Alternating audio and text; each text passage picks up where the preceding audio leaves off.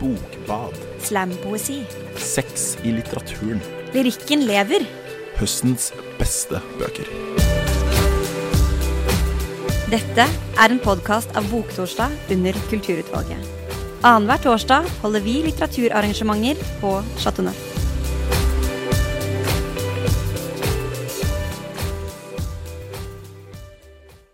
Og velkommen til eh, Boktorsdags arrangement Hva er greia med krim? Eh, så det er det vi skal snakke om i dag, er hva som er greia med krim. Uh, og i den anledning så har jeg invitert disse tre menneskene her. Til venstre for meg her så sitter eh, Unni Lindell. Og du er Norges krimdronning. Det er veldig stas at du er her. Uh, og du er mest kjent for dine ti bøker om etterforskeren Cato Isaksen. Um, og nå holder du på med din ellevte krimroman. Og den skal Ja, eller egentlig den tolvte, fordi at jeg skrev Å, ja. en som het 'Rødhette', men det var mer sånn psykologisk thriller. Ja, men den var veldig god, da. Ja! Den husker jeg. Der ble det drept jævlig mye menn, så den var veldig god. Men den du holder på med nå, den handler ikke om Cato Isaksen, eller? Nei, eh, det som er litt gøy, er at da jeg skulle skrive den første boken min eh, i, eh, som kom ut i 1996, så hadde jeg egentlig veldig lyst til å ha en kvinnelig hovedperson. Men det var så oppbrukt. Altså Det hadde Anne Holt hadde tatt, eh, Pernille Rygg, eh, Kjersti Skien Det var veldig mye kvinnelige hovedpersoner. Men blir det oppbrukt å bruke kvinnelige Ja, da tenkte jeg at det er ingenting igjen til meg annet enn en vanlig kjedelig mann, som vanlig. Eh, Og derfor så ble det Cato Isaksen, men, men jeg tenkte, hadde en plan med det. da. Fordi da hadde jeg lyst til å utforske litt dette med eh, familielivet hans og sånn, som du hadde. Eh, eh, familielivet hans, og det, og, men det var også fordi at jeg kjenner politifolk. Og jeg vet hvor tøft det er å finne et lik, kanskje et barnelik, og jobbe på et åsted, og så skal du hjem og lage middag med barna dine etterpå og leve et vanlig liv. Så det ble veldig spennende allikevel. Men nå er jeg ferdig med Cato Isaksen-serien. Nå er det blitt ti bøker, og nå kommer eh, en ny bok til høsten som heter 'Jeg vet hvor du bor'. Og der er Marian Dale hovedperson. Så det blir hun fra nå av. Så det blir stas. Det er kult. Hun er jo litt uh, gæren. Eller? Ja, hun er sånn som meg, så hun er sånn, hun er ikke så gæren, men hun er gæren. Og så til venstre for deg, Unni, så sitter uh, Ørjan N. Karlsson. Eh, du jobber i Direktoratet for samfunnssikkerhet og beredskap. Og så, yay, så skriver du krim, science fiction og thrillere. Um, og snart kommer din bok nummer ti. Um, hva handler den om? Er det en thriller? Uh, nei, det er en, eh, en science fiction-roman, da. Ja. Så eh, For voksne, da. Bare for å være skikkelig slem med seg sjøl. Det, det er kanskje jeg og tre andre som leser den, men det er givende å skrive den. uh, så det er liksom for å ja, går litt på utsida av, av krimsjangeren, men jeg kommer nok til å komme tilbake der og plage Unni med mine tanker og ting der. Eh, så slipper jeg ikke unna meg så lett. Nei. Og sist, men ikke minst, Øyvind Faro. Du er forlagsredaktør i Aschehoug Forlag, og så er du bl.a. redaktør for Jo Nesbø og Tom Egeland. Men du jobber jo også med, med annen skjønnlitteratur. Du jobber jo ikke bare med krim. Nei, vi har det sånn i Aschehoug Forlag at uh, alle redaktørene er i norskredaksjonen er Vi eh, arbeider med alle sjangere. Lyrikk og seristikk, eh, eksperimentell litteratur, skuespill, krim. Brede romaner. Så vi, vi har ikke en sånn spesialavdeling for spenningslitteratur. Men det er kanskje bra, eller? Vi, vi mener jo det er bra.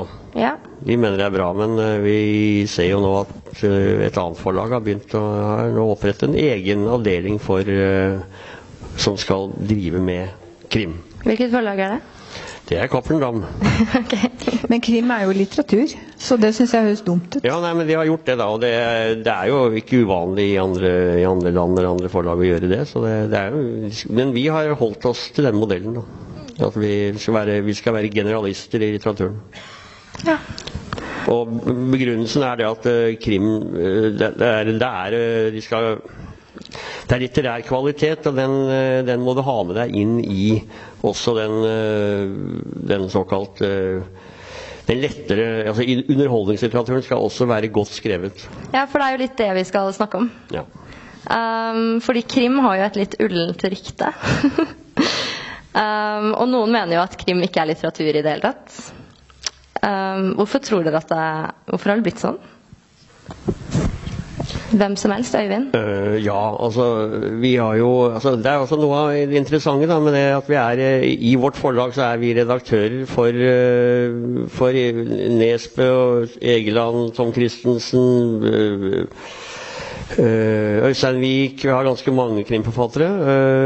og vi jobber da også med Tur Erik Lund og Bjarte Breiteig og Arne Lygre. Og så, og så ja, så, ja, så kan det være at noen av eh, de hva skal vi si, eh, smale litterære forfatterne sier De kan komme til å si Ingen av de jeg nå har nevnt, vil si det, men de kan komme til å si at eh, kriminallitteratur det er jo formellitteratur. Det er jo den samme, og de har det helt rett i, det er formellitteratur. Men er, skal man da svare igjen er det noe Er, er det kritikkverdig?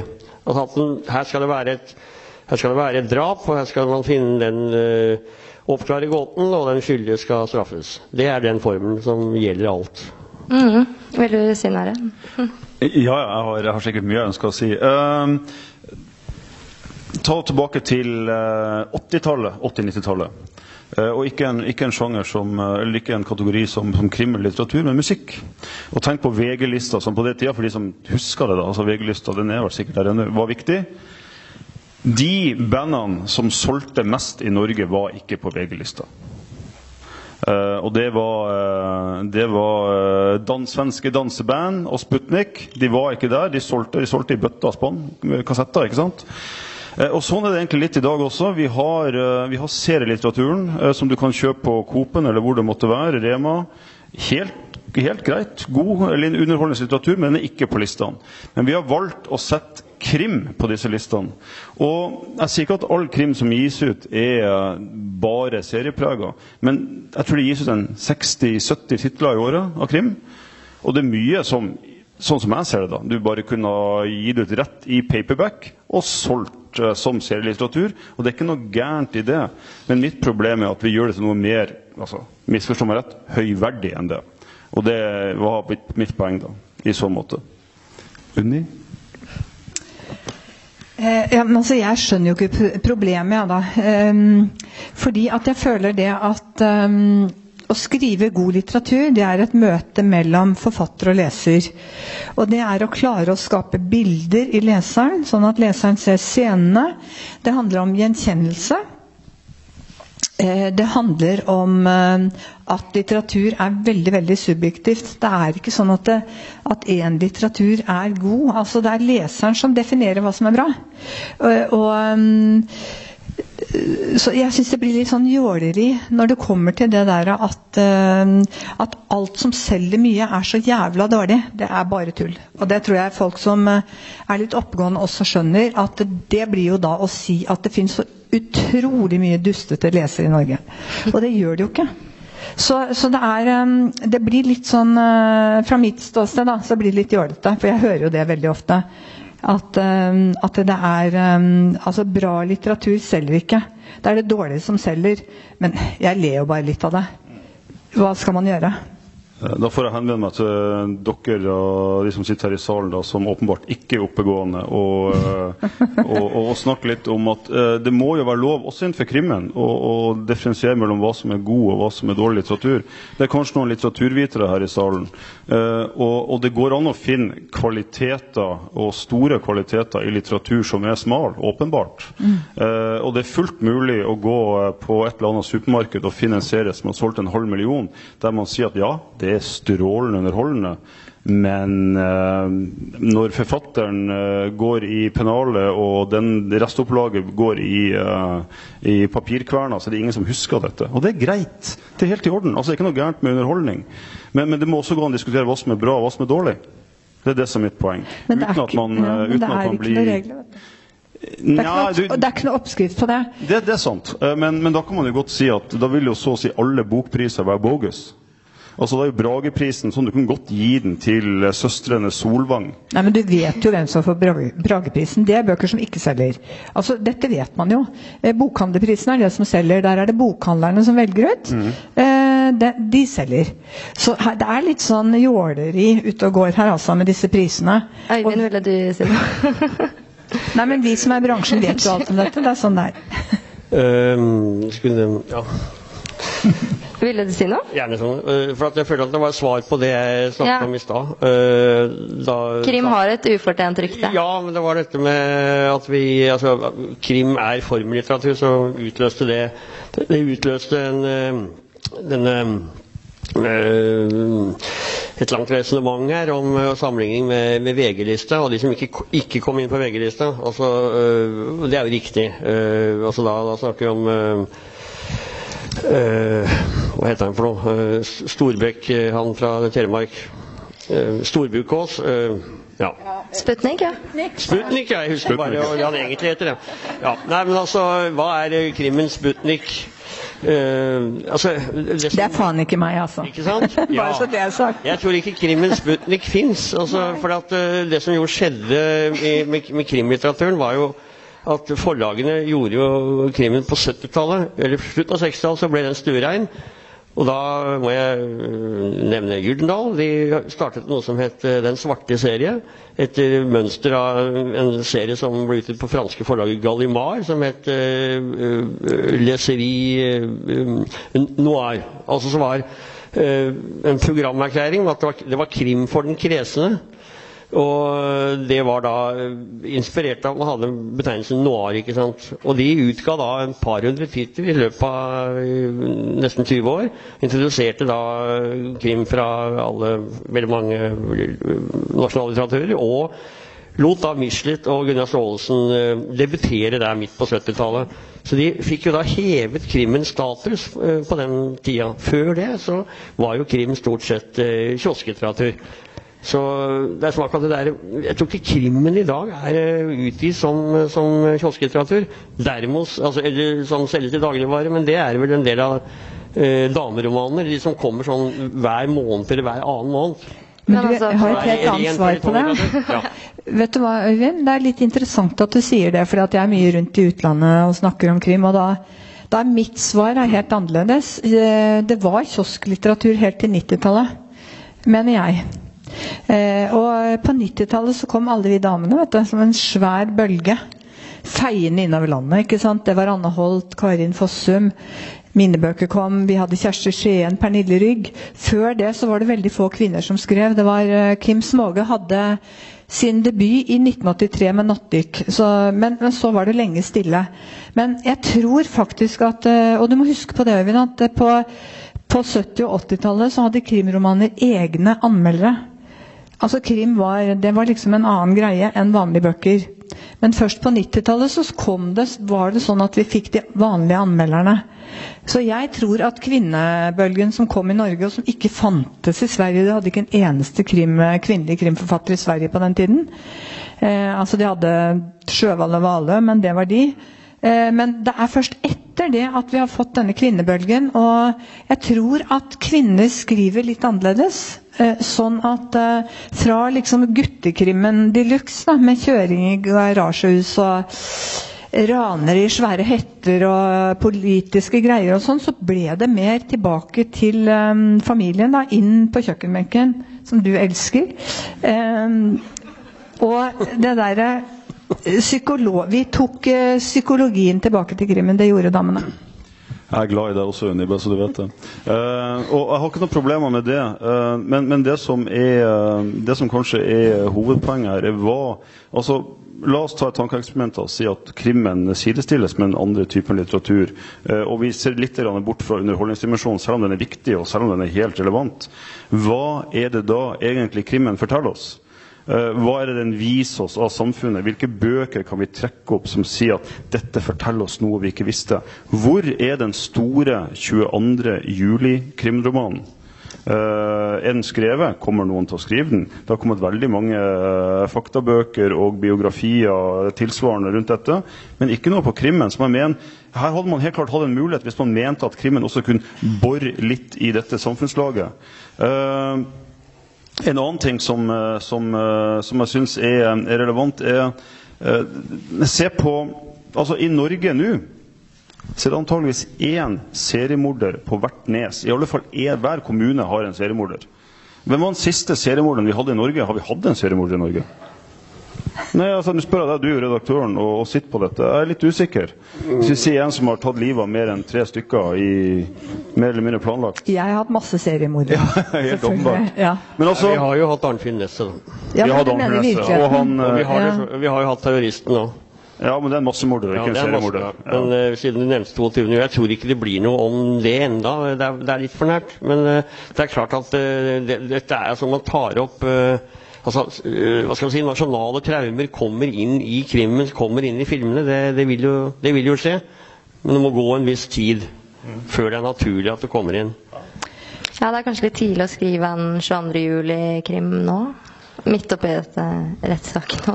Ja, men er det egentlig det? Altså, Hvis man mener at krimmen skal tørre noe utover det å bare underholde, så måtte man kanskje gjøre det og heller være villig til å ta debatten etterpå, der de pårørende og de som er hardt berørt av dette, kan si at dette syns jeg jaggu meg våg over streken. Litteraturen må tørre å være vågal, og det må også krimmen. Den må tørre å gjøre litt mer enn underhold. Det er mitt poeng. Uh, altså Jeg kan si det noe sånn som at uh, jeg har jo en forfatter som har skrevet om en terrorist. Og man kan godt trekke paralleller til det, det du nå snakker om. Men den er fjernet såpass fra uh, begivenhetene 22.07. at det, det er jo ikke usmakelig. Men derimot er det sannsynlig at uh, uh, slike ting skjer igjen på en annen måte. Altså Det er jo, ter det er jo terror uh, om, er jo, Det er det vi frykter. Så det er klart at dette her eh, er, er noe som eh, eh, behandles eh, litterært både av krimforfattere og, og andre forfattere, og film og skuespill. Men det er litt interessant, for min djevelkyssa den sluttet eh, 22. juli. Et halvt minutt før bomben sprang. Og da beskrev jeg at Cato Isaksen sto på kontoret sitt, han hadde løst en sak, og han sto ved vinduet. Eh, og eh, da, 15 sekunder da, før bomben sprang, så sier han at eh, det er utrolig så stille det er i Oslo på sånne sommerdager. Og det utløste jo et skred av raseri fra en del journalister. Da, at jeg liksom var sånn suspekt bruk av 22. juli. Men jeg hadde jo ikke brukt det. Jeg hadde jo sluttet. 15 sekunder før bomben sprang. Allikevel så bare haglet det med kritikk. Så det er veldig sånn sårbart for det emnet der, altså. Ja, så man må være ganske tøff for å tørre å skrive den romanen, da. Ja, men så er jo ikke litteratur er jo ikke et slag bordtennis. Vi må jo tørre å våge litt. Vi må jo tørre at det sitter folk her i, salen som sier at hei, Ørjan, det du holder på med der nå, det er helt altså, Det blir jeg provosert over. Heller det enn at det du skriver, bare blir forbigått, og man tenker at det er irrelevant, eller hvis det ikke hadde blitt gitt ut, så har ingen reagert. Så man må tørre litt. Eh, og da, hvis man skal tørre ting, så må man også tørre å eh, at, at folk da sier at 'dette likte jeg ikke'. Det er minst like viktig det som at noen kom bort og sa at 'herregud, der traff du meg skikkelig godt'. Som forfatter så er det det. Vi må tørre å stå i det. Jeg tror det handler om å være skrivende menneske uansett sjanger. Og det er det jeg vil med krimmen. Altså, vi sitter jo her fordi at jeg tror vi alle sammen har én ting felles. Vi er glad i krimmen, men vi er usikre på hvor den er på vei. Eh, og det er jo helt legitimt. Ja, fordi du skrev en artikkel om, i fjor om at eh, krimmen er, er krimmen eh, på vei til å i ferd med å underholde seg selv i hjel. Ja, det var min spissformulering på det. Ja. Og, og eh, skal jeg ta den helt ut og skrive, eller si hva jeg skrev da, så var det mer at mye av den krimmen jeg leser, minner meg egentlig om eh, en sånn endeløs rekke av CSI, Miami, New York eller hvor det måtte være. Det er spennende når det står på. Når jeg legger fra meg boka, så husker jeg ingenting av det, annet at jeg hadde det. Det var greit. Og misforstå meg rett, folkens. Det er helt ok. Men hvis vi ønsker at krimmen skal være litt mer, så må vi tørre å utfordre rammene til den. Eh, noen av dere har kanskje fulgt med på disse true crime-seriene, altså 'Making a Murderer' eller 'Serial' eller 'The Jinx'. Fantastiske eh, serier som virkelig prikker deg i sida og sier 'Vet du hva? Dette, dette er det det er snakk om'. Og jeg syns at i hvert fall noe av det som vi krimforfattere holder på med, bør bevege seg i retning av det. Tørre å provosere litt, for guds skyld. Men kan jeg bare si du, skriver, du har jo skrevet om uh, om Treholt-saken, f.eks. Er det fordi du syns det var en viktig sak å skrive om? Ja, Treholt-saken er helt åpenbart viktig i norsk etterkrigshistorie. og Hvis man gjør et tankeeksperiment og, og, og, trekker inn Arne Treholt i dag, og peker på um, hva han hadde gjort, og så får han en rettssak i dag snarere enn under den kalde krigen. Uh, I mitt hode så har han garantert mista jobben, kanskje fått ett eller to år uh, i fengsel. Det er det. Men han blir jo dømt i en kald krigskontekst, uh, der den, den, den, han som er forsvarssjefen i Norge på det tidspunktet, står i rettssalen Nå snakker jeg kun om det materialet som er åpent tilgjengelig, da, og sier at Arne Treholt har gjort uopprettelig skade på forsvaret av Norge. Og det er, liksom, det er det han blir dømt av. Det vil aldri skje i dag. Og Det handler om å se ting i kontekst. Jeg skrev om Einar Gerhardsen og Håkon Lie og Jens Christian Hauge. Og jeg bruker navnene deres i mine bøker fullt og helt ut. Og fått en del kritikk for det, og fått en del klapp på skuldra av det, og sånn må det nesten være. Altså, man skal ikke hva det for Jeg er ikke her for å være populær, men det er selvfølgelig ok å være populær en gang iblant også. Så man må bare finne balansen. Ja. eh, ja. Ja, ville du si noe til det? Bare ta en liten replikk til ja, ja, vær uh, altså, Hvis du snakker om krim, så, så mener jeg at uh, Kriteriet nummer én er uh, spenning, og det er Den oppnår du selvfølgelig ved å ha en god karaktertegning. At en hovedperson som identifiserer deg med, følger med på denne personen. og det enten det nå er snakk om å etterforske, eller om en, en i, blir, blir, forfulgt og er, er i fare. Politiroman eller en thriller er de to polene der, kan du si. Men øh, jeg mener, altså, hvis vi skal Det er det viktigste. altså Skal man drive og skrive om Treholtssaken eller uh, ta opp store uh, politiske saker, uh, gå inn i verkebyllene i, i samfunnet, så ja, de gjorde vel Sjøvall og Vale på én måte, gjorde vel det, men de, de det, det, var jo ikke ment som debattinnlegg. Det var jo faktisk, De ble jo inspirert av det, den tida de levde i. For at det var et, en ekstrem uh, altså 70-tallets uh, uh, ja, overvåkningen i Sverige. da. Uh, situasjonen Sverige var i, eller det at dette sosialdemokratiet ikke var så Velferdsstaten hadde en del skyggesider som ikke var kjent. Det greide vi å gjøre til en fantastisk historie. Men det er jo det som er det primære. Det er ikke det at vi skulle reformere. Så du mener at de solgte mye Altså dette var noen krimforfattere på 60-tallet? Det er 60-70-tallet. Det er uh, historien om en mord. Det er, det er ti, ti, bøker av Sjøvald og Valle som uh, har skapt den moderne nordiske politiromanen, som igjen bygger på den amerikanske forfatteren Ed McBain, som hadde hele handlingen liggende i 87. gate, eller 87. precinct i New York. ikke sant? Det er politiromanen. Og det er den som Jo Nesbø og alle de andre har brukt ja. i Norge. Men du mener at de, de ble så populære fordi de lagde gode historier? Altså Her er det en lang greie, for det har å gjøre med populærkulturen og TV og disse filmseriene som ble nevnt her i stad. At det, dette er noe som eh, seerne og leserne blir trent opp til å forvente noe av. og det er... Det, det er noe med at en krimforfatter spiller, er veldig på, tar pulsen på tida. Og, og, da er det å, å ta opp i hva folk har på seg, hva de hører på, hva slags mm, annen musikk som liksom gir eh, assosiasjonene. Alt dette her liker folk å lese. Og, og, det er god litteratur. Og det er egentlig å ta tida. Det er ikke så veldig mye det å, at, uh, at du blir tatt til inntekt for det ene eller andre synet. Jeg tror ikke det. Men, så, for, nå var den inter. Okay. Jeg skulle si noe. Um, Altså for meg så er krimsjangeren den ultimate sjangeren, for den har faktisk alt.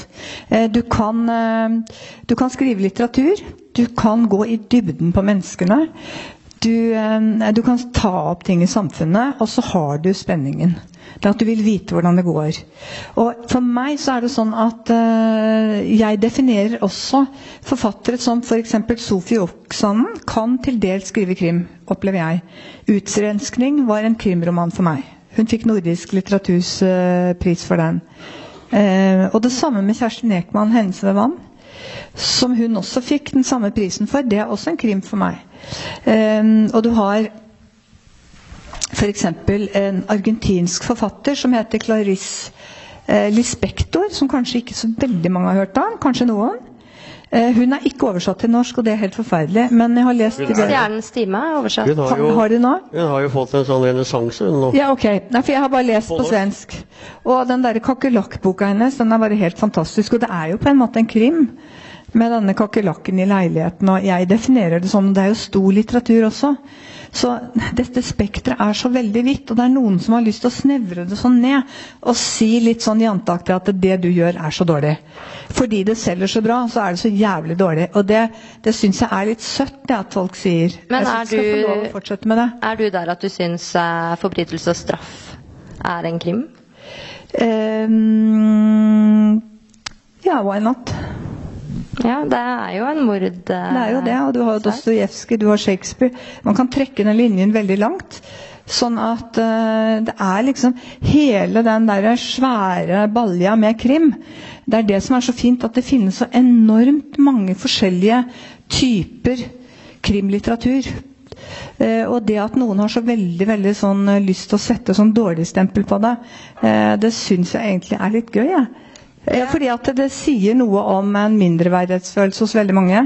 At hvis du selger mye, så er bøkene da er de dritdårlige. Og det skjønner jo folk med litt i hodet at det er bare tull.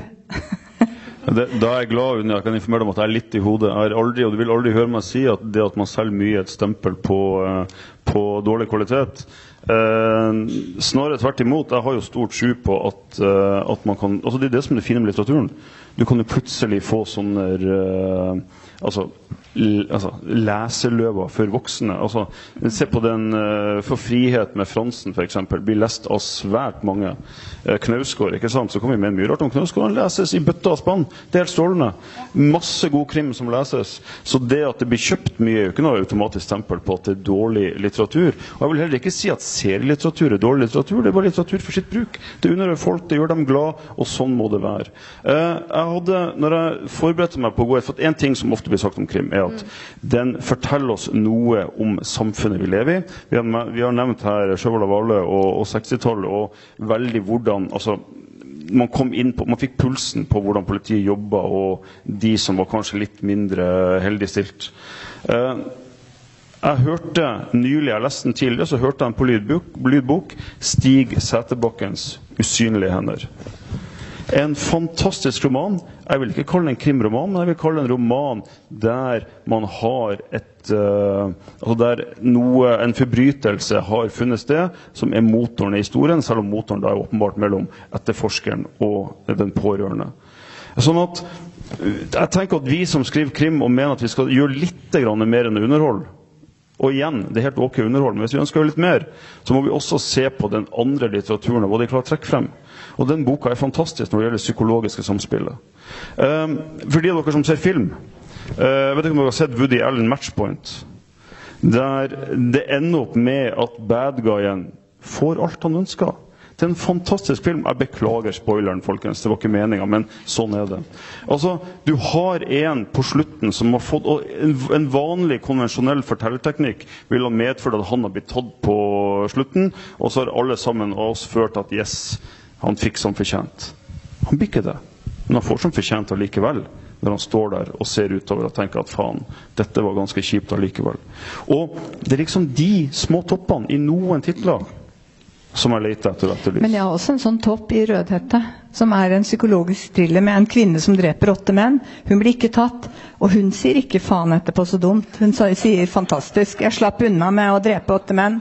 Så det er mange måter å liksom uh, ende en sånn bok på også. Jeg forstår den menn Unni. Jeg forstår den med den.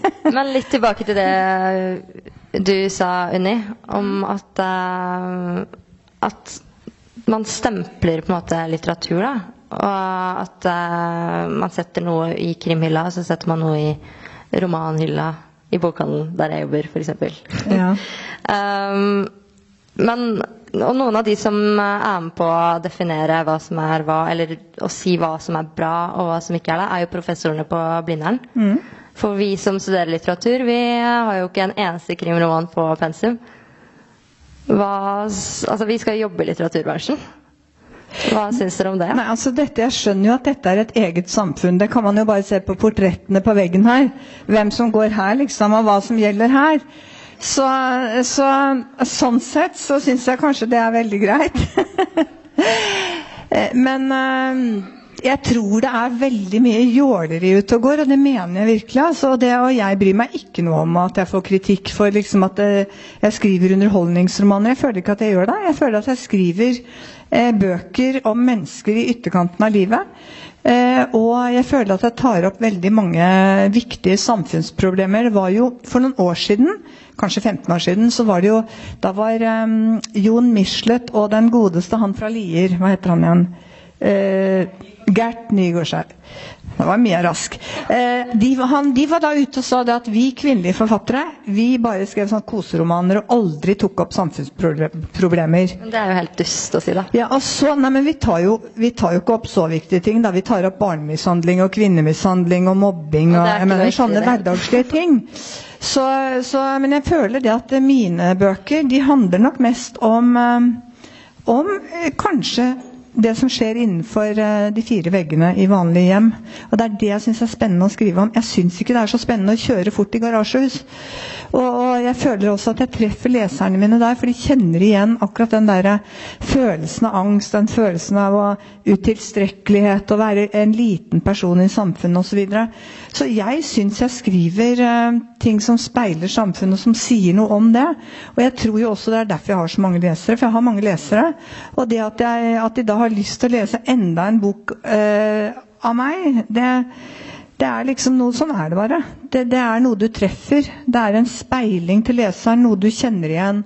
Noe du får sagt, noe som er viktig. Men hvorfor er ikke krim på pensum? Nei, men på hjelp til deg, for der, der er jeg helt enig. Altså, du kan for øvrig du kan si mye rart om Arne Treholt, men han kjørte ikke raskt i garasjehusene heller.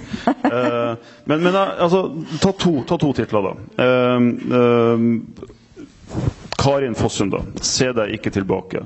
Eh, som er en fantastisk skildring både av småbygds-Norge og, eh, og den dynamikken og, og den, den denne uroen som eksisterer i lita bygd. Det er helt klart den kunne ha vært på, eh, på, på pensum deres. Eller hva med Tom Christensen om nordsjødykkerne, dykket?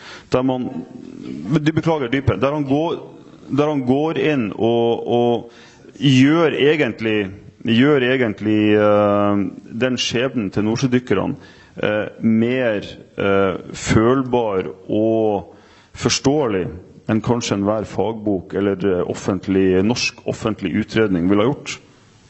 Klart den uh, kunne vært på pensum. Så, så det gjelder jo liksom bare å ha den fantasien og den innsikten i hva sjangeren faktisk bringer til torgs, og få den inn. Uh, så i så måte må jeg si jeg syns det er rart. Eh, At, at det ikke er der. Du kunne ha mange flere eksempler på akkurat det. Og det handler jo også noe om vår forståelse av dette. Altså Se på f.eks. Scandinavian Star. Eh, jeg er ganske sikker på, i all den viraken og alt den usikkerheten og alt det vi ikke har hørt, og alt det vi har fått hørt, at romanen om Scandinavian Star, som kanskje legger seg ganske nært opp til hva som skjedde, kanskje ville ha gitt en mer eller en bedre forståelse av hva som faktisk skjedde, enn en tørr offentlig utredning. Eh, så hvorfor ikke? Altså virkelig, Dere må kreve det. Dere må si at dere vil ha krimbøker, og så velge ut noen. Er det noen professorer her i salen? Er det noen her som er Nei, de har, Nei, men jeg tror det. er vi har en der nede, ja. Det er, det er ikke professor. Eh, Jeg jobber som musikkprodusent, og så synes jeg det var interessant det du sa om danseband. Og så har jeg lyst til å spørre, Hvis du hadde tenkt at du var Christer Sjøgren, da, så har du i 20 år fått folk til å danse når du synger, har du tenkt at om du skifter tematikk og prøver å nå dem, så må de kanskje slutte å danse og høre på hva du sier? Og det, og det, det er eh, ja. Eh, Jeg er litt usikker på om jeg forsto hva du sa, men eh, bare det at du mente at jeg skulle forestille meg at jeg var Christer Sjøgren, gjorde det her ganske vanskelig. Men, men, men altså, mitt, mitt poeng var at hvis man hadde ei liste i VG som reflekterte hva som var populært i befolkninga, og ikke hvilke målgrupper produsentene hadde bestemt seg for var mest interessant for hvem som kjøpte plata, så ville det ha vært eh, kurant. ikke sant? Altså, Det er ikke noe tvil om at 20-åringene ikke kjøpte Christer Sjøgren. Det var de som var i alderssegmentet over, som gjorde det. Men, men spørsmålet er hvem er det vi ønsker å reflektere? Eh, og det samme gjelder serielitteraturen. Jeg synes jo nesten, altså, i den grad vi skal komme tilbake dit, det blir jo nesten til forkleinelse for de som skriver serielitteratur, som gir ut ei bok eh, hver tredje måned, at de ikke kommer på disse listene. De gjør jo et like ærlig arbeid, de som alle oss andre. Hvorfor er ikke de der? Jo, altså, eh, Sammenligning er bare at i dansebandsjangeren, som vi på en måte musikkprodusenter Mange sier at det er en dårlig sjanger. For jeg kan selge jo mest i Skandinavia mye mer enn masse annen musikk.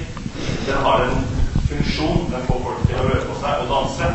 Eh, Spørsmålet er om hvis du hadde lagd en krim da, som beviser hele samfunnet du kanskje til? er du redd for at folk ikke hadde sett på det som en krim lenger? Fordi du har en annen agenda? Nei, jeg har slutta å være veldig redd for hva folk uh, syns. Altså, jeg tror at folk er fornuftige nok til å gjøre seg opp sin enig mening om hva, hva, som skrives, eller hva de lytter på. Så det vil jeg ikke være redd for. Og, altså, hvorfor ikke? Nå, altså, hva er poenget med lista hvis filteret for ei liste er at noen har bestemt hva som er gyldig for å komme inn på den eller ikke? Altså Så enkelt. Hvis det er sånn at man plutselig finner ut at halve Norge egentlig bare hører på dansebandmusikk, vel, så må vi leve med det, da. Sånn er verden. Det er ikke noe verre enn det. Får jeg lov til å komme med en Hvorfor liten diskuterer vi dansebandmusikk, forresten? Kan jeg få lov å komme med en liten eh, digresjon om Christer Sjøgren? Ja, altså jeg har jo også og Det er en digresjon, men jeg, må, jeg bare føler nå må jeg ta den. Jeg har jo også vært rundt og intervjuet barn ikke sant? Eh, og stilt veldig ledende spørsmål om forskjellige ting. Og Da var jeg i Sverige med Mark Levengood. Vi har lagd mange bøker sammen med intervju med barn. Da var et av spørsmålene 'Hvem er Kristus?' Fordi barn vet jo hvem Jesus er, de vet hvem Gud er. Men da satt vi i en svensk klasse, og så sa vi 'Hvem er Kristus?' Og da var det en liten Maria på sju år som sa det at ja, det navnet Kristus det er ikke så moderne lenger. Det er ikke så mange som heter det. Jeg vet faktisk bare om én. Det er Kristus Sjøgren. så han er litt Kristus. Ja, han har åpenbart evig liv også. Det er det verste. av det. Men uh, for å gå litt videre. Uh, Øyvind, hvordan er det dere jobber? Altså, dere får inn masse manus hver uke i forlaget. Ser dere etter eh, andre kvaliteter i et krimmanus enn i et annet skjønnlitterært manus? Eh, Vi ser ikke etter Christer Sjøgren, for å si det sånn. Eh, Nei. Og det er ikke noe gærent med danseband, men og hva er feil med å selge som danseband, det er en egen kategori for det. Eh, Jeg, jeg tror vi må si det sånn, og at det må deles opp litt. Og vi er ikke et forlag som selger Christer Sjøgren-krim. Eh, egentlig så er Christer Sjøgren ganske bra, han, men altså dansebandsjangeren er uh, kommet til miskreditt for forskjellige grunner. Men uh, vi, vi snakker egentlig litt, uh, litt upresist her nå. Så det Men fikk du, Ja. hørte du spørsmålet? Ja. Eller, så, nei, vi, vi ser et altså det, det er ganske høyt nivå på det. Altså, si det sånn at det utgis jo mye mer krim nå av de store forlagene. og bare går litt tilbake dette her, er- Noe av grunnen er jo at i forlengelse av det jeg sa om den svarte serien på 70-tallet, så kom faktisk eh, kriminallitteratur inn på eh, innkjøpsordningen for norsk eh, skjønnlitteratur. Og dermed så ble den stuerein fra og med da. Og selv om ikke det er sånn nå at alle allmennkritikere anmelder krim, det er i, høy stor grad spesialiserte anmeldere som tar for seg krimmen, så er det like Nå er, nå er krimmen har fått en veldig høy status i den det litterære, i en litterær institusjon, som vi sier kan jeg si altså, ja. Så vi, vi leser da krim som, eh, som romanlitteratur. Vi ser at den på mange måter nærmer seg den samfunn, eh, samfunnsskildrende psykologiske romanen. At det er en samtidsroman. Eh, ja. Uh, og så skal selvfølgelig inneholde disse formelle elementene om en, uh, om en forbrytelse som skal oppklares, og at den, skurken er den rette. Skal ikke nødvendigvis være den skurken som, er, som du ser er slem med en gang, som har svart hatt, men det er faktisk skal være, skal være overraskende at uh, Så det som er viktigste er at det er et bra plott? Ja, eller plott. er det like viktig at språket er uh, godt? Du må ha en plott, du må ha en eh, etterforsker, du må ha en eh, og, selvfølgelig må du kunne skrive. Altså, og det å kunne fortelle, og det er faktisk noe av poeng, at krim, krim spenningsforfattere kan, har et, et slags sånn fortellingsgen. Som ikke nødvendigvis den eksperimentelle forfatteren har. Eller altså den som skriver smalere og mer skriver en ny, en ny roman hver gang. Skal på en måte eh, skrive en mer søkende litteratur, da. Altså, krim er jo eventyr for voksne, for å si det enkelt. Det er det det er. Så det, det der med leseløve for voksne var veldig bra. Det, men det er eventyr for voksne vi skriver, egentlig. Eh, og um, det skal være en opplevelse å lese en krimroman når man skal kose seg og man skal ikke kunne legge den fra seg. Og, um, og det er jo det som er kriteriet for å skrive en god krim. Da. At du får svaret til slutt. Ja, bare, bare full, altså det er, det er, jeg har holdt på med dette i noen år. Så det er eh, det vi får inn nå. Det er mye eh, hardere konkurranse om å bli utgitt som krimforfatter. Uh, Fordi det er veldig mange som vil skrive krim? Ja, det er dobbelt så mange eh, krimmer nå på de store forlagene som for 20 år siden. Men er det fordi folk eh, tror at det er lettjente penger å skrive Nei, det er lesevanene som, som er sånn. Og du kan si at uh, da bokklubbene var på sin storhetstid, så hadde var det jo De bleika jo da norske krimforfattere som hovedbøker i, i romankategorien. Men altså, det er jo øh, Hvis jeg skal ta det, det si på alvor, og det skal jeg jo, for at altså, han har jo erfaring i bransjen eh, at, at krimmen nå begynner å nærme seg eh, altså Det skjønnlitterære det tangerer ting, og det har sin egen art. Og sånn skal det være. Da mener jeg jo at hvis vi på et eller annet tidspunkt er enige om det, så trenger f.eks. ikke Brageprisen sin egen krimkategori. Da kan jo egentlig bare krimmen eh, konkurrere med hva som helst av det skjønnlitterære. Litt sånn som Unni var inne på her tidligere, der du har uh, Kirsten Ekman med 'Fortellinger ved vann'. uh, altså, som er mer enn god nok for det meste, egentlig. ikke sant? Sånn at den, den distinksjonen Og det jeg frykter, at når vi har den distinksjonen, så blir, den, blir krimmen lest med litt andre øyne enn den vanlige skjønnlitteraturen. Jeg, altså, jeg har ikke noe bevis på det, jeg bare frykter det. Og at krimmen blir lest litt sånn eh, opp mot vanlig skjønnlitteratur. Og så sier man sånn som man ofte sier om norsk film. Ja, det er godt til å være norsk. Det var en saksopplysning. Altså, det, er ikke noen, det er ikke eh, krimklasse hvert år i Brageprisen. Det, det, var, Nei, det var i var det i fjor. Ja, ja. Nei, altså, jeg, jeg, sier det, men altså, Ja. det burde være unødvendig. Ja, nettopp. Men vi har Riverton-prisen. Ja, som er åpenbart Og så er det jo ikke noe Det er ikke noe veldig rift om å bli nominert til Brageprisen, altså. For det er nesten negativt. For det er jo bøker som Det er det vel ikke? Nei, lite grann. Så det er ikke noe sånn For det er veldig sært og veldig sånn eh, Der har du den derre særheten og den der litt jålegreia. Så det å bli nominert til Brageprisen er ikke noe big deal, altså. Ok, jeg syns det er det. Men, uh, Ja, men nei, jeg tror vi skal ta sånn- en uh, liten pause. Ti minutter, kanskje. Ti minutter, folkens. Ja, ja. Ja. Så kjøp noe å drikke, og så kom tilbake. Ok, la oss begynne igjen.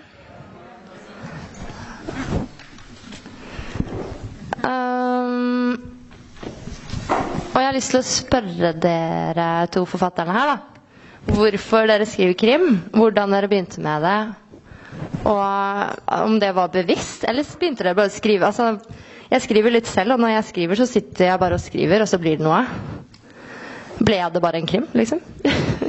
Altså, jeg eh, eh, fikk eh, da, vi, da jeg gikk i fjerde klasse eh, og begynte å skulle skrive stil, som det het den gangen, så hadde vi sånn eh, eh, stiler om blåbærturen som alle hadde da, gamle dager. Og i mine blåbærturstiler så ble alle drept. Altså da ble bjørnen drept. Da ble eh, jegeren drept. Og eh, barna som var ute og gikk tur i skogen, ble drept. Det Hvem var det som drepte dem, da? nei, altså det eneste som overlevde, var blåbærene. Så jeg fikk veldig sånn at alle må ikke dø i alle dine stiler, Unni. Så det, var, det er akkurat som det er litt ekkelt da, å tenke på et så lite barn, og så drepte jeg alt jeg kunne. Så det er veldig naturlig for meg, dette her som skjer her nå. Og så er jeg en litt sånn redd person, så jeg bruker den angsten litt inn i skrivingen. Og det er ikke noe sånn gimmick å gjøre det, for jeg vet mange har lest om det i avisen. Men det å gå ned en mørk kjeller, f.eks. For, eksempel for meg, eh, alene, eh, det er helt forferdelig. Eh, og så har jeg en skriveleilighet inne i byen.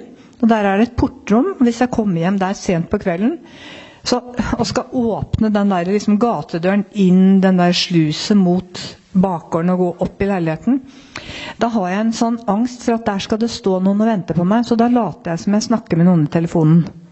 Og så sier jeg sånn Ja, nei, jeg er oppe om ti, to minutter. Ja, du kommer ned og henter meg? Ja, det er kjempefint, sier jeg da. Så, og det er så innarbeidet hos meg, så jeg tror jeg er en fødte krimforfatter, rett og slett. Rett og slett. Hva med deg, Ørjan? Eh, jeg begynte litt annerledes. Jeg begynte vanvittig pretensiøst. Uh, når jeg studerte på, på Blindern, så, eh, så bodde jeg Sosiologi. Sosiologi, ja. Eh, og jeg bodde først på Sognsvann, og så bodde jeg på Torshov etter hvert. Og eh, jeg skrev jo da den helt altså, jeg, jeg mente jo det var den ultimate ung, sint mann på Grünerløkka-romanen. Eh, hvor, hvorpå svaret fort ble at ja, men den får vi sikkert. Vi får en sånn 70 av dem i året. ikke sant? Med unge, sinte menn fra Grünerløkka eller andre deler av Oslo. Men, men jeg fikk en konsulentuttalelse, altså jeg fikk en refusjon med konsulentuttalelse da. Hvorpå eh, han som hadde lest den, eh, sa at dette er bra, dette er eh, klisjé, her har du noe. Hva med at du skriver om noe som bare du vet noe om, eller i hvert fall du vet mer om enn andre? da. Og På den tida så jobba jeg i, eh, i Forsvarsdepartementet under av alle folk Kristin Krohn Devold. Det var da vi skulle sende eh, norske spesialsoldater til eh, Afghanistan for første gang. Og jeg satt der som, som vanlig byråkrat. Altså, jeg, jeg er en del av byråkratiet. Og du ser på avgjørelsene blir tatt, og, og hvordan, hva, hva, som egentlig skjer eh, under overflata. da. Og jeg tenkte at herregud, dette kan jeg jo bruke. Og da skrev jeg min første thriller. Eh, og etter hvert så fant jeg ut at, eh, at jeg hadde en sånn grei uh, fortellerevne rundt denne type spenningslitteratur. da. Og, og jeg syns det var veldig ok å skrive det. Det er jo, det er jo forutsetning. Du må jo like det du gjør. Uh, så det var sånn jeg kom inn på det. altså Mer det at jeg, jeg, fant ut at i alle fall der og da så var dette noe som, som, som passa for meg. da. Men leser dere mye krim selv, eller? Jeg leser ikke krim. Nei. Nei, jeg gjør ikke det. Eh, jeg leser mine kolleger og venner som er gode venner, som sender meg bøkene sine. Av høflighet. Det gjør jeg. Men jeg syns liksom jeg får nok av dosen min ja, ved å skrive krim selv. Og jeg ser aldri noen sånn krimfilm eller krim TV-serier. Ehm, sånn er det. Men jeg har lyst til å si jeg har også gått her på Blindern. Og um, jeg begynte her i 1977. Det er veldig lenge siden. Uh, jeg begynte, jeg tok da eksamen filosofikum, som vi alle måtte, og så begynte jeg på fransk. Det som skjedde med meg da, var at jeg ble gravid, så å studere fransk er ikke lurt. Eh, og så etter det så ble det på en måte litt sånn Jeg klarte ikke både å studere og være gravid og ha lite barn, og sånn, så da begynte jeg å skrive. Så jeg er veldig veldig glad for at jeg begynte å studere fransk i sin tid. det gikk bra. Ja. Og så har jeg lyst til å spørre Jeg har egentlig bare lagt bort spørsmålarket mitt, da, fordi det ble så Ja. det går bra. Det er ikke alle svarene som du liksom har tenkt du skulle få, men sånn blir det. Ja, sånn er det. Men sånn er det jo. Um, Øyvind, kanskje du har lyst til å prøve å svare på det.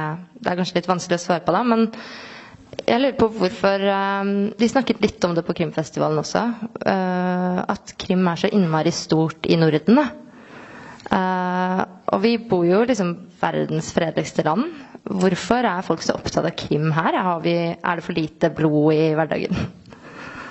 Skulle du ikke spørre hvorfor jeg begynte å lese krim, da? Ja, men Leser du krim, da? Ja, ja, ja. Nei, jeg spurte tanta mi da jeg var seks år. Jeg var veldig glad i tanta mi. Så spurte jeg henne om uh, moster, som vi kalte henne.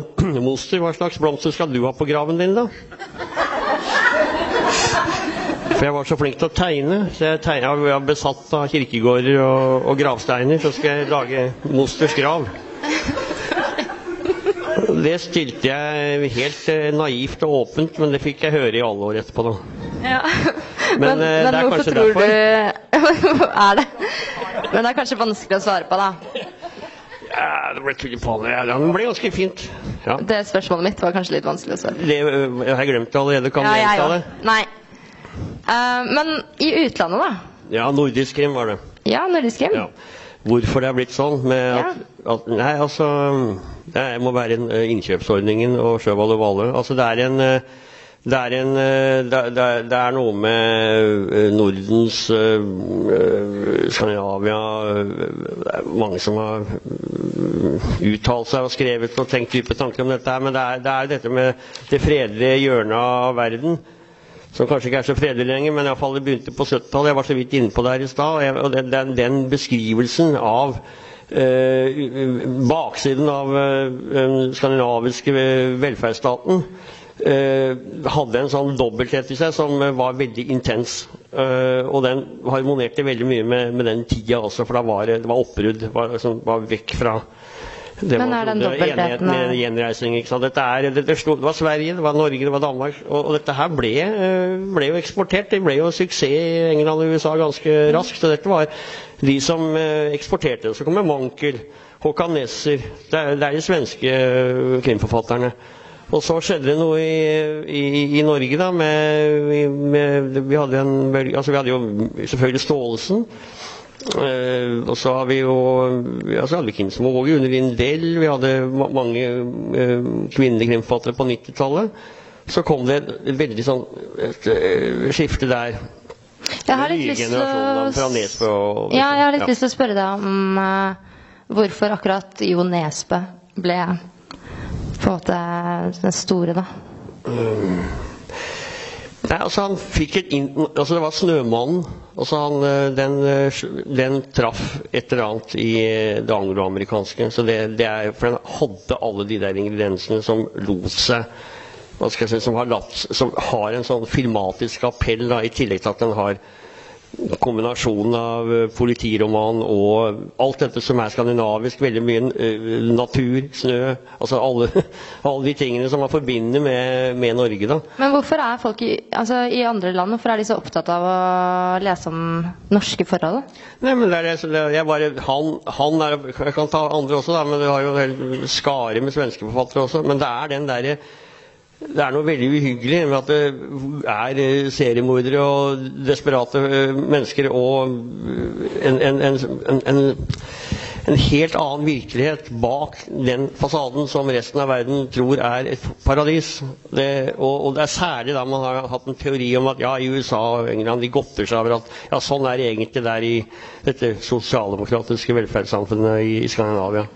Og så er, de der, eh, så er det selvfølgelig karakterene som er beskrevet der, som er ganske eh, infame. Jeg Nå snakker jeg ikke bare om Jo, nå snakker jeg om uh, hele dette fenomenet nord, nord, nordic noir, som det heter. Men, men altså på Nordic Noir-sjangeren så har man jo så Det man har vært dyktige til i Norge, er at man har La oss nå si arven etter Chandler, da særlig. At man har vært man har, vært, man har evna å ta mange av de grepene han gjorde med sin uh, som Marlow og privatdetektiven, og, og føre den inn i en eh, nordisk setting. Og som, som eh, Øyvind sier, altså bevise den, den dobbeltheten mellom det vellykka samfunnet og det som skjer på, under overflata. Altså, vårt problem er nok det at det skjer mindre under overflata enn en krimforfatter skulle ønske. Altså, ja, det er mye dritt der, og, og spesielt i de norske hjem er det mye skyggesider som vi ikke kjenner til. Men hvis man ser på det sånn, sånn floskel, da, verdensbasis, så står det relativt greit til her. Men du får jo, altså du finner jo australiansk, australiansk noir. Du finner sørafrikansk noir, som for oss vil virke like eksotisk som f.eks. Eh, Nordic noir eh, virker på amerikanerne. Så dette fenomenet er jo ikke eksepsjonelt for oss. Det er bare det at vi har hatt noen veldig gode forfattere som har evna å kombinert eh, denne sosialrealistiske Uh, fortellerstilen med litt det mørke, dunkle. Men det er vel litt Ikke kall Nesbø sosialrealist. Jeg skal kalle han en, eh, en, eh, en, eh, en, sam, en samfunnsskildrer. Uh, altså en Sosialrealist er en som faktisk vil endre samfunnet. Uh, Iallfall i 70-tallsbetydningen av sosialrealisme. Men det som er, må, er veldig veldig viktig uh, for appellen i disse bøkene, uh, det er jo selvfølgelig eh, etterforskeren. For du nevnte, og Stikkordet her er jo hardkokt. Den hardkokte sjangeren. Du nevnte Chandler, og, som jo sammen med, med um, Dashiell Hammett eh, har disse introduserer privatdetektiven på 2030-tallet, som er i byen. Det er liksom den store metropolen, det er Los Angeles. I motsetning til disse landsbykrimgåtene liksom den britiske uh, sjangeren uh, dyrker, ikke sant? Med Agatha Christie får en helt annen desillusjonert uh, skrivestil i, i USA. Eh, under depresjonen. Det er veldig viktig å tenke hvordan denne tida er. Det er, det er depresjon, det er, man er desillusjonert. Og helten er selv desillusjonert. Helten er en outsider. Helten har et, eh, har et ikke-eksisterende familieliv. Det er liksom sånn, det er klisjeen, ikke sant? men kan, det kan jo brukes så mye. Og, og det er også Helten har en, en, en medhjelper, en, en, partner, en, som han, riding eh, shotgun som det heter som eh, kanskje blir skutt. Første boka til Jo Nesbø så han, er, han delaktig i at har Harry ordet delaktig i at eh, en av makkerne hans blir skutt i tjenesten. Så han bærer på dette her, og han bærer også på en historie fra sin egen familie. Og det brukes om og om igjen. Dette er, dette er greia med krim. Men jeg tror, vi, jeg tror at vi skriver eh, litt i den britiske tradisjonen, faktisk. Eh, ikke i den amerikanske. Eh, For den er helt annerledes. Der har du bad guys, good guys. Mens det der at man liksom gir også morderen og the bad guy en Vi går inn i han, ikke sant? Og gir eh, en forklaring og en Altså det blir en sympati for den personen også. Eh, så, eh, og så er det jo sånn at Norge er jo et veldig kjedelig land, og det er mørkt her og det er trist her og sånn. Så, så folk trenger litt å lese. Og når det gjelder Jo sin fantastiske suksess så Jeg har aldri lest en eneste bok av Jo, det burde jeg ikke si, men jeg har ikke det. Men jeg tror at han er kjempegod. altså Jeg tror at han har fått til noe virkelig bra. Det virker sånn. Eh, det virker som om han har eh, klart seg greit. Det virker som han har klart seg Eh, så, men jeg mener det at jeg tror ikke at det bare er eh, Jeg tror rett og slett ikke bare at det er tilfeldig at Jo har klart seg så bra. Jeg tror han har noe helt unikt, eh, og det er det vi skal dyrke frem. Vi skal tørre å si det at vi må være unike. Og Øyvind, du får jo inn masse krimmanus. Bare for å ta en til, for Nå er vi inne i hvordan det er å skrive krim, og, og den krimmen som vi nå leser, og hva vi ser etter. så det, det har vært inne på det med etterforskeren og bakgrunnen og hans lojaliteter og hans øh, øh, altså den indre, altså rettferdighetstrangen. Og det er ofte en sånn bærer på noe som gjør at han, skal også, eller han eller hun skal ha oppreisning. Ja. Og ser de typene Det er en, type, det er en våde snakk om rettferdighet og hevn.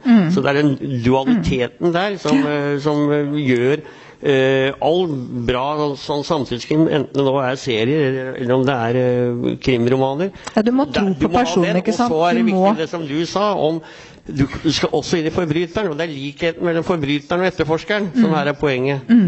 Men, men her er det jo også det som kanskje er noe av krimforfatterne sin utfordring. Og, og Unni har jo skrevet nå på tiende boka med samme hovedperson, ikke sant? Eh, jo, men den er slutt nå. Ja. Nå er jeg over på en ny eh, men- etterforsker. Men, men det er Jeg er ikke dum.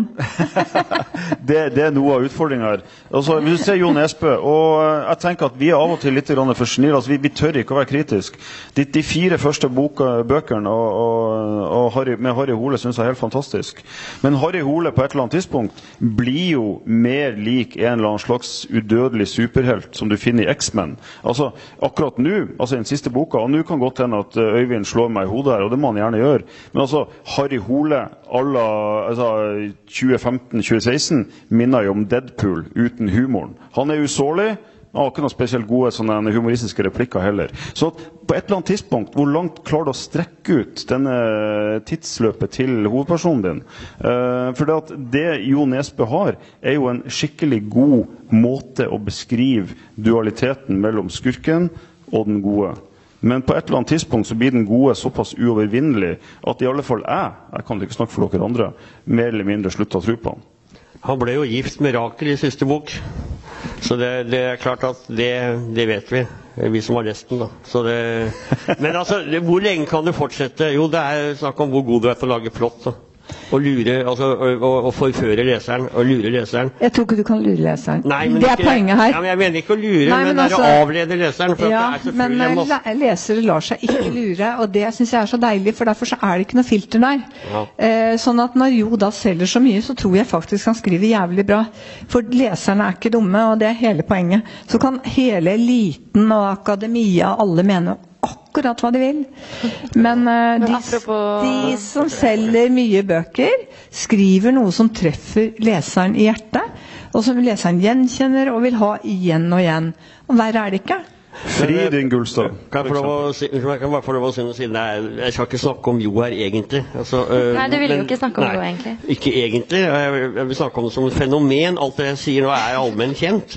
Uh, men det, det, det, det er da snakker om å lure, så er det i positiv forstand. Altså en, det er en, en uh, som en krim, en mysterieforfatter, forfatter, som det heter på engelsk, da, som lager krimgåtene.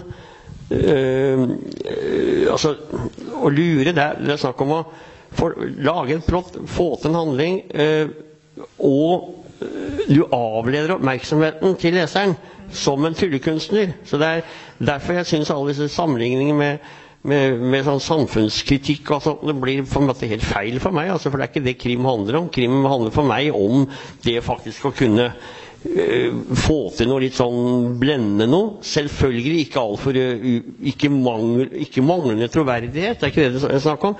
Men det er noe med å briljere litt, altså at du er virtuos.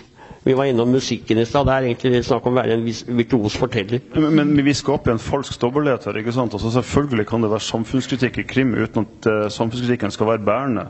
Altså, altså, Gunnar Staalesen har jo det i sine bøker, med, med de svake i, i samfunnet. Uh, Karin Fossum har jo det. Slik at Man trenger ikke å gjøre samfunnskritikken som det bærende elementet i boka.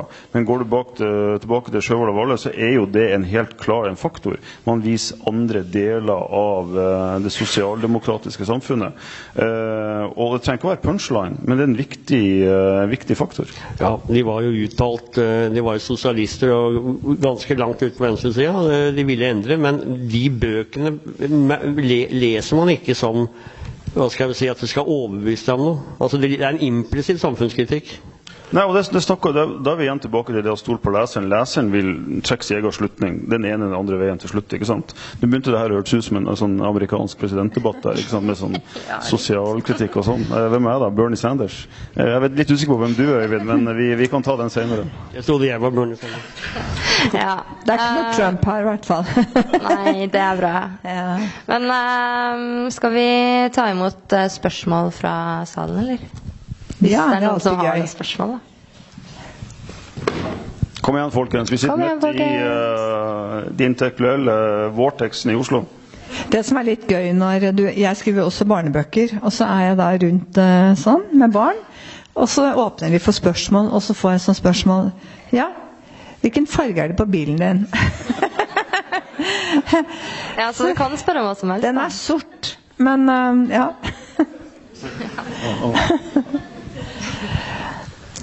Men det er veldig mange som har lyst til å skrive. Eh, Det vet jeg jo at det er. Ja. Jeg må spørre om det Hva skjer når dere har levert første utkast, og på en måte Hvor mye jobbing gjenstår da? Går det fort å skrive en krim? Det har jeg veldig lyst til å svare på, for det er midt der nå. Eh, For en uke siden så leverte jeg et stort krimmanus til Aschehoug. Og jeg syns jeg hadde levert noe veldig bra. Det syns jeg alltid. Men eh, det hadde jeg ikke. Så derfor så må jeg jobbe veldig mye mer. Og det er mange mange nye runder. Det skal bli veldig bra. Men eh, det er mange runder igjen. Og jeg tror at uh, veldig mange mennesker tror at når, når jeg skriver en bok, eller hvem som helst annen krimforfatter, så er det ferdig. At vi bare leverer noe, så går det i trykken. Og sånn er det jo ikke. Det er en veldig stor prosess. Eh, og mm, mange tror også at man må liksom kunne skrive helt, helt riktig. Jeg skjønner ikke kommaregler. Det kan Mia, min redaktør, sitter der, svare på. Kommaer og meg, de er i hytt og pine. Mia hater mine kommaer. Ikke sant, Mia? Ja. Så greia hm? Jeg har dem jo ikke, nei. Men du setter de på. Men greia er det at eh, jeg tror at eh, de som vinner, vi som vinner Jeg sier det vi, for jeg syns jeg har vunnet selv. Jeg uh, syns jeg har fått til så mye og um, er så ydmyk for det jeg har fått til. Men det er de som orker å jobbe. Det er de som orker å jobbe etter at du ikke orker mer. Eh, orker å sitte oppe hele natta og rette og rette og rette. og um, høre på folk og ikke liksom Ja, men være like ydmyk som man var for 30 år siden. Eh, men det er et helvete, det kan jeg bare si. Så eh, jeg, har, eh, jeg er der nå. Så hvis noen syns jeg er brun i dag, så er det fordi jeg har brukt brunspray. Jeg har spraya meg med brunfarge, for jeg er egentlig er kritthvit. Uh, altså, jeg, jeg har ikke så veldig mye å, å tillegge når det gjelder det Unni. Altså, for sånn, sånn er det. Altså, vi, jeg ser for meg en sånn altså, så Litt sånn skjematisk, da, så vil det variere. Men uh, la oss si at jeg skriver ei bok eh, på en 12-14 måneder. Én til to måneder på research. Bruker du første utkastet sju, åtte, ni måneder. Og så kommer den en eh, Og som jeg syns er aller aller mest tung, det er når du leser gjennom første tilbakemeldinga fra redaktør, og du må gå gjennom alle de trådene og, og få historien til å fungere bedre, og du må løfte. Eh, og det er, eh, det er voldsomt slitsomt. Jeg, jeg har også i tidvis uh, Nå er dette Øyvinds spesialfelt, men jeg tar på meg litt konsulentoppdrag, oppdrag, og av og til så er jeg redaktør for uh, noen mindre forlag. Og det vi ser som, som kanskje skiller de som, som får det til, og de som ikke orker, eller kanskje ikke prioriterer det godt nok, er den siste runden, som er den tyngste. Der du virkelig må løfte. Eh, og, eh, og man har, får den tilbakemeldinga om det her må være godt nok, eller du forstår meg ikke, eller hvorfor sier du dette. Eh, og det, jeg, jeg kan godt forstå at du får den reaksjonen, for man har lagt så mye av seg sjøl i det. Men igjen, det handler om det Unni. Altså det å være ydmyk og tro at det er noen andre som har gjort det her et par ganger før, og som har en del innsikter. Og så ja, du kan helt klart peke på tilfeller der forlagene har feil. Men skal du ta alle bokmanus under ett, så er det som regel relativt gode råd du får fra det holdet, og da er det bare hardt arbeid som teller. Så la oss si da 12-14 måneder før, eh, fra jeg får en idé og begynner å skrive, til boka lander. Eh, og så bruker jeg ofte å skrive på andre prosjekt i de periodene der manuset mitt er inne eh, og blir vurdert eller modifisert eller laga tilbakemelding på av forlaget. Sånn at du, du dupliserer litt. Hvor mange runder går du med manus da, som før det blir utgitt? To til tre. To til tre runder. Og da kan du skrive om ganske mye. Ja, det kan jeg. Eh, men, men det gir meg gang... Ja, kan ja. Stryke og flytte på Ja. Ommøblere handlingen eller Min, min verste opplevelse Jeg skrev en bok som heter 'Fredsmekleren' en gang, der jeg skrev meg fullstendig bort. Da mitt første møte med min redaktør eh, på det tidspunktet var eh, Ørjan, vi kan, eh, vi kan gjerne begynne med et annet prosjekt istedenfor. Og, da skrev jeg- og, og da var jeg så jævla sint på meg sjøl, fordi jeg visste at de tabbene jeg hadde gjort, visste jeg om, men jeg hadde bare forleda meg sjøl. og da måtte jeg skrive om 75% og det gjorde jeg egentlig mest for å gi meg sjøl en lærepoeng. Er det flere spørsmål? Ja. Eh, Jeg lurer litt på det med bruk av spesialister når du starter. fordi at Det syns jeg er prosessen i altså Man har jo en liten historie sikkert, jeg vet ikke hvordan dere jobber. Kanskje forskjellig. Eh, Du har rettsmedisinere, du har eh, sakkyndige teknikere. Eh, Det er mange spesialister her. Du har juridiske spesialister på området. Sånn at faguttrykkene og prosessene i juridiske skjer i like stor grad bruker dere det? Eh, bruker jeg veldig i stor grad. Jeg skriver manuset først, og så eh, blir det levert til en, eh, en som jobber i politiet, som går gjennom det, og da sier 'herregud, det er jo helt sykt', på det her og der. Og det er sånne ting som i 'Slangebæreren', den første krimromanen jeg skrev, så kremerte jeg et offer veldig tidlig i boka, og det gjør man jo ikke. For hvis en sak ikke er oppklart, så må man begrave kroppen, sånn at man kan grave den opp igjen. Og da hadde jeg faktisk Anne Holt som konsulent, og hun sa bare, bare kom sånn melding. Få den fyren ut av den ovnen så fort som mulig. Så det er veldig mange sånne ting, eh, tekniske ting som må, være, må stemme. Men det kommer egentlig til slutt. Jeg skriver historien først, og så får jeg en eh, gjennomgang etterpå av det. Han eh, Jørn Lier Horstert han har laga en bok om, eh, om politietterforskning til bruk for krimforfattere. Ja, Men jeg leser ikke Jørn Lier Nei, men heller, og ikke Jo Men det er en sånn lærebok i alt Ja, det der. ja, nei, du men trenger jeg, ikke spørre alle hold. ja. Nei, men, men altså det, det som er greia her Og Jeg tror jeg og Unni har litt sånn uh, ulik eh, tilnærming til det. Uh, jeg bruker kanskje én, to, av og til tre måneder research først. Og, og det du ser ofte uh, altså jeg, jeg tror jeg kan se det, da. er at hvis noen researcher et tema som de ikke kjenner til, f.eks. det kan være rettsmedisinerne, og hvordan de jobber, hva de gjør, og hvilke begreper de bruker, og så begynner de å skrive rett etterpå, så er det ofte litt sånn ubevisst at det første utkastet til manus blir veldig fylt opp av referanser og faguttrykk og miljøbeskrivelser som egentlig ikke funker for historien, men der forfatteren liksom viser at jeg er passe flink til Mm, ja, her og det er kjedelig. Det er veldig kjedelig. Så man må begrense seg på det. Så jeg har en sånn greie for meg sjøl. Hvis jeg gjør research, og så må jeg la det synke en måned, kanskje seks uker. Og så tror jeg egentlig at leseren vil føle at når du da som forfatter tar med disse små detaljene underveis, så vil de, hvis du er god nok, føle at det ligger noe under der som får dem til å forstå at du kan dette. Eh, og det gir en trygghet altså sånn i at dette er ikke faglig bogus. ikke sant? Så jeg tror ulike forfattere har ulike eh, metoder. Jeg syns researchfasen er kanskje den mest spennende for meg sjøl. For det, det er jo en glimrende måte å lære kule ting som du ikke kunne før. Og så er det veldig avslappende. Research er jo avslappende i forhold til å sitte der og skrive. Det er jo et mareritt. Altså, det er det jo. For da Er er det liksom the real work er jo skrivingen.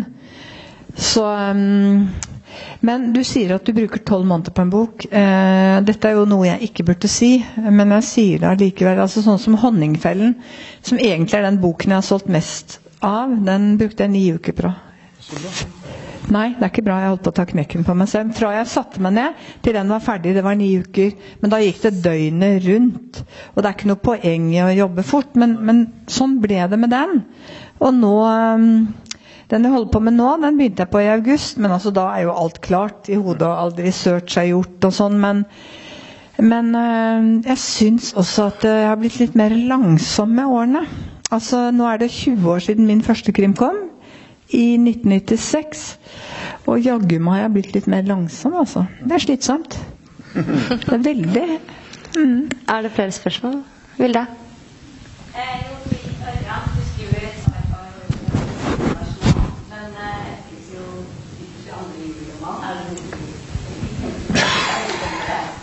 Ja, jeg, jeg, kunne tenkt meg å gjøre det. Uh, og der er det jo litt sånn at jeg altså, det, Der fanger jo litt meg sjøl her, for jeg etterlyste den romanen. Uh, og det blir Jeg hadde en jobb på det tidspunktet som gjorde at jeg kom ganske nær til handlinga. Og, og det betyr for meg at jeg bør ha en sånn en cool off-periode, slik at det ikke blir en sånn selvterapeutisk roman, men snarere en roman som fanger opp i seg de, de tingene som, som var viktige mer sånn allment eh, i etterkant. Og der, sånn som Øyvind var inne på i sted eh, Hvis jeg skal skrive en krim eller en thriller rundt 22. juli, eller en tematikk som er veldig nært opp til det, så det sier noe om den hendelsen, så skal man jo og Dette må man jo ha lov til å si. Det skal jo også være underholdende. Det er en, det er litt av den kontrakten når du går i butikken og kjøper denne boka, så skal den både være underholdende, men jeg tror ikke det er motsetning mellom at den er underholdende og tankevekkende. Og akkurat den biten har jeg ikke klart å knekke ennå, men jeg jobber med det. I- å- Åpenbart. Og, og jeg har jo skrevet tre romaner nå der jeg har brukt virkelige navn. Uh, i, I romanene mine. altså Treholt og Hauge og Gerhardsen og Lie og alle disse gladgutta fra uh, kald krig og bakover. Uh, skulle jeg skrevet en 22. juleroman, så kunne jeg ikke gjøre det. Både fordi at det er for nært i tid, og fordi at den målgruppa jeg tror vil være interessert i å lese dette, vil bli farga av de navnene og den måten du beskriver eh, karakterene på. Slik at eh, altså, de, de vil duse ned historien. Så det, det er ting jeg må tenke på. Og det er litt sånn nytt farvann for meg. Så jeg sier ikke at det er enkelt, men jeg sier at det er mulig. Men, men jeg har ikke helt kommet frem til hvordan ennå. Det var et til spørsmål bak dere. Jeg kom, jeg kom inn så jeg hørte ikke seksjon. Dette med kommersiell suksess og litterær suksess, to størrelser, hvor like er de? Og hvor mye river og sliter de med hverandre? Og hvor prega blir dere av tilbakemeldinger som dere får fra forlag, redaktører osv.? Skinner det gjennom at de ønsker jo bare kommers, og de ber om ingredienser som selger? Eller er de like opptatt av det litterære? Um, Det er jo et veldig omfattende spørsmål du stiller, da. Men um, det er jo litt sånn norsk at uh, jo mindre en bok selger, jo bedre er den, ikke sant? Uh, og um, jeg har jo solgt veldig mange bøker, men jeg føler at jeg har gjort mitt beste hver eneste gang. Og jeg er stolt av mine bøker, og jeg har jo redaktører bak meg da, som har jobbet sammen med meg og jobbet dette frem. Eh, Så eh, igjen, sånn som jeg sa helt til å begynne med her, så føler jeg at det, hvis du treffer leserne, så er jo en, en eh, bok det er jo et møte mellom en forfatter og en leser. Og det å da klare å få bilder og situasjoner og handling inn hos leseren, det møtet det er det det handler om. Sånn at hvis den leseren da vil kjøpe neste bok, så har man jo lykkes. Eh, og jeg føler jo at jeg har lykkes. Jeg har jo solgt fire millioner av disse krimbøkene mine. Og eh, jeg eh, Sånn at det biter ikke på meg hvis noen sier at jeg skriver veldig dårlig. Altså, for det er, det er leserne mine jeg forholder meg til. Og det er det møtet jeg er stolt av. Og det er de møtene jeg jobber veldig veldig for å få til nå med min neste bok. Så um, Ja, jeg vet ikke om det var noe svar på spørsmålet, men Absolutt. Men har du noen følelse med tilbakemeldingene? Hva, hva føler du at av? At, at det har noen retning i, i, i retning av et Nei, men altså, da jeg, eh, da jeg debuterte med krim da, i 1996, så var det jo 'Slangebæreren'. Og da jeg leverte det manuset, så var jeg veldig usikker på om det en Jeg trodde ikke engang kanskje at det ville bli antatt. Eh, og det ble det. Og så ble boken gitt ut, og så bare eksploderte det. Det var liksom fantastiske anmeldelser. Det var terningkast seks overalt. og jeg forsto ingenting, rett og slett. Og da var det sånn eh, Der sto det at det var eh, Ja, altså, det var litteratur. Og det har jeg på en måte valgt å ta til meg. Jeg tror, jeg tror egentlig at det er det, fordi at det treffer noe. Og fordi at jeg klarer å beskrive situasjoner som gjør at folk tror på det, føler at de er med i historien, eh, blir glad i menneskene jeg skriver om. Så jeg, for meg, jeg skriver litteratur. Samme hvor mange som liksom sier at jeg ikke gjør det. Så, men jeg gjør det. Altså, en ting her som, altså Nå har vi satt ting litt på spissen her, og vi sier at det er mye krim på bestselgerlistene. Uh, og, og, og Unni sine bøker har figurert der, og jeg tror med god grunn. Virkelig. Uh, og den beste av grunner. Men, og, men det er jo andre, også andre bøker som gjør at forlagene er villige til å satse litt bredt. Hvis man ser på uh, Brageprisen, som vi har ment litt forskjellige ting med her, og som jeg egentlig ikke tror var drivende for den boka jeg skal nevne nå, men se på, uh, på, uh, på den fagprosaboka 'Havboka', som Strøksnes skrev nå, som har solgt i bøtter og spann. Som er en ganske smal bok i utgangspunktet, men som folk har blitt nysgjerrig på. For den, den, den treffer en slags sånn setgeist som gjør at dette er interessant og relevant nå. Og det gir meg jo også håp om at forlagene som sådan er villige til å, å satse bredt og se eh, et kommersielt potensial også i den litteraturen som kanskje i utgangspunktet virker litt smal. Jeg tror vi egentlig må runde av, men vil du si noe kort? Altså, sammen, eh, om det er noen motsetning mellom det kommersielle og det kvalitative det er litt vanskelig å, å, å svare generelt på, men når vi kommer inn på hva som Eksempelet havboka til Morten Trøgsnes, så er jo det en bestselger. Og det er jo veldig interessant å diskutere hva som er en bestselger. Det kan du se på etterpå, og da, da skjønner man det. Men det å prøve å lage en bestselger i forlagene, det diskuterer vi mye, og det, det er faktisk ikke så helt lett. Er den ene bestselgeren, liksom, det er det unike. Men så, men så er det selvfølgelig, har du etablert en som er en bestselgerforfatter, så vil selvfølgelig det der maskineriet gå og gå. Og det, og det er selvfølgelig en fare for at man kan gå litt på autopilot hvis du skriver veldig mange bøker. Men det er jo en utfordring for forfatteren og forlaget at det ikke blir at vi ikke da repeterer det for mye. Og man får jo signaler også fra leserne og anmelderne når det der kanskje blir en, en slitasje. Ja. Men um, jeg har lyst til å stille ett spørsmål til dere. da. Siden dere sier at dere ikke leser krim selv, hvorfor i all verden skal vi lese deres bøker da? Ja, det kan du si. Eh, grunnen til at jeg ikke leser krim, er at jeg, jeg blir litt fedd up av å skrive det. Jeg jobber jo Jeg føler at jeg bare jobber med å skrive krim. Jeg blir litt sliten av det, rett og slett. Og så er det også det at jeg, jeg er veldig engstelig av meg. Eh, Jeg er en redd person, sånn at jeg Og det er også veldig fint, for da kan jeg beskrive veldig sånn ekle scener, ikke sant? Som kanskje menn ikke har det samme Eh, ikke den ekle latteren, men altså liksom vi, Jeg opplever jo det f.eks. å gå hjem alene og inn i et portrom til leiligheten min. Da er jeg redd. Det tror jeg ikke du er. Men jeg får men, med meg den dimensjonen. du orker ikke å lese krimbøker, Nei, krimbøker, men sånn du at orker å saken er den at når jeg leser krim, så er jeg, jeg skvetter sånn når det kommer ekle ting. Når jeg skriver krim selv, så vet jeg når de ekle tingene kommer.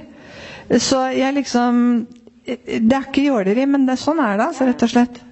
Hva med deg? Ja, men kan jeg få spørre deg, Unni, eh, driver du en selvterapi? Altså, eh, prøver du å få ut demonene ved å skrive? Det gjør jeg hos deg, da, Øyvind. Ja, ja, men, ja, ja, men du gjør det også?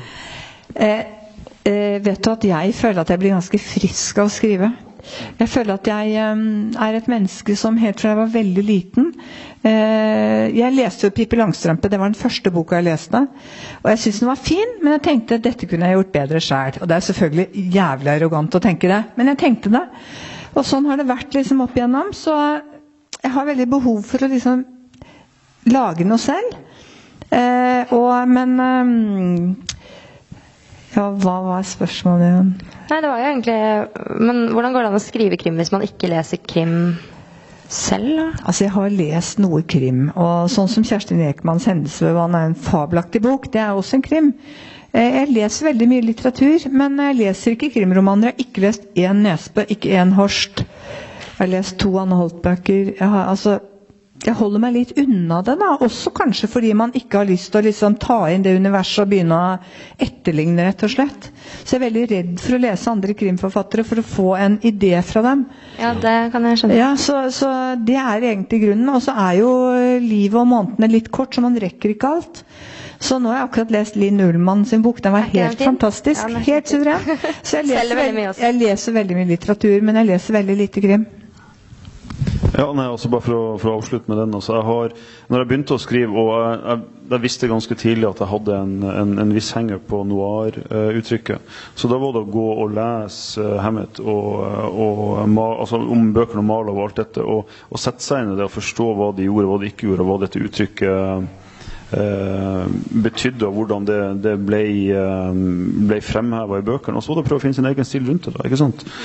Eh, Men ellers er det liksom som Unni sier, altså hvis du jobber med krim og, og, og thrillere og disse mysteriene og eh, altså alt dette som skal til for at de som til slutt kjøper boka, syns den er kul og de ønsker å lese den Du blir litt sånn utmatta. Det blir litt sånn ferie å lese noe annet. Uh, Nå er jeg veldig glad i science fiction og en del litt sånne smale uh, skjønnlitterære ting som David Foster Wallace og sånne ting. Men, men, det blir merkelig nok en, en liten ferie fra det jeg holdt på med. Og jeg tror det er helt nødvendig.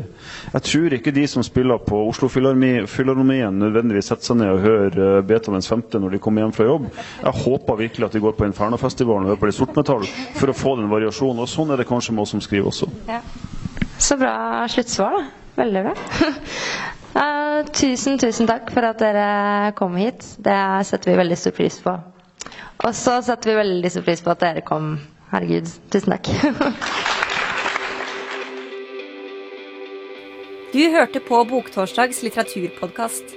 Se mer av oss på kulturutvalget.no.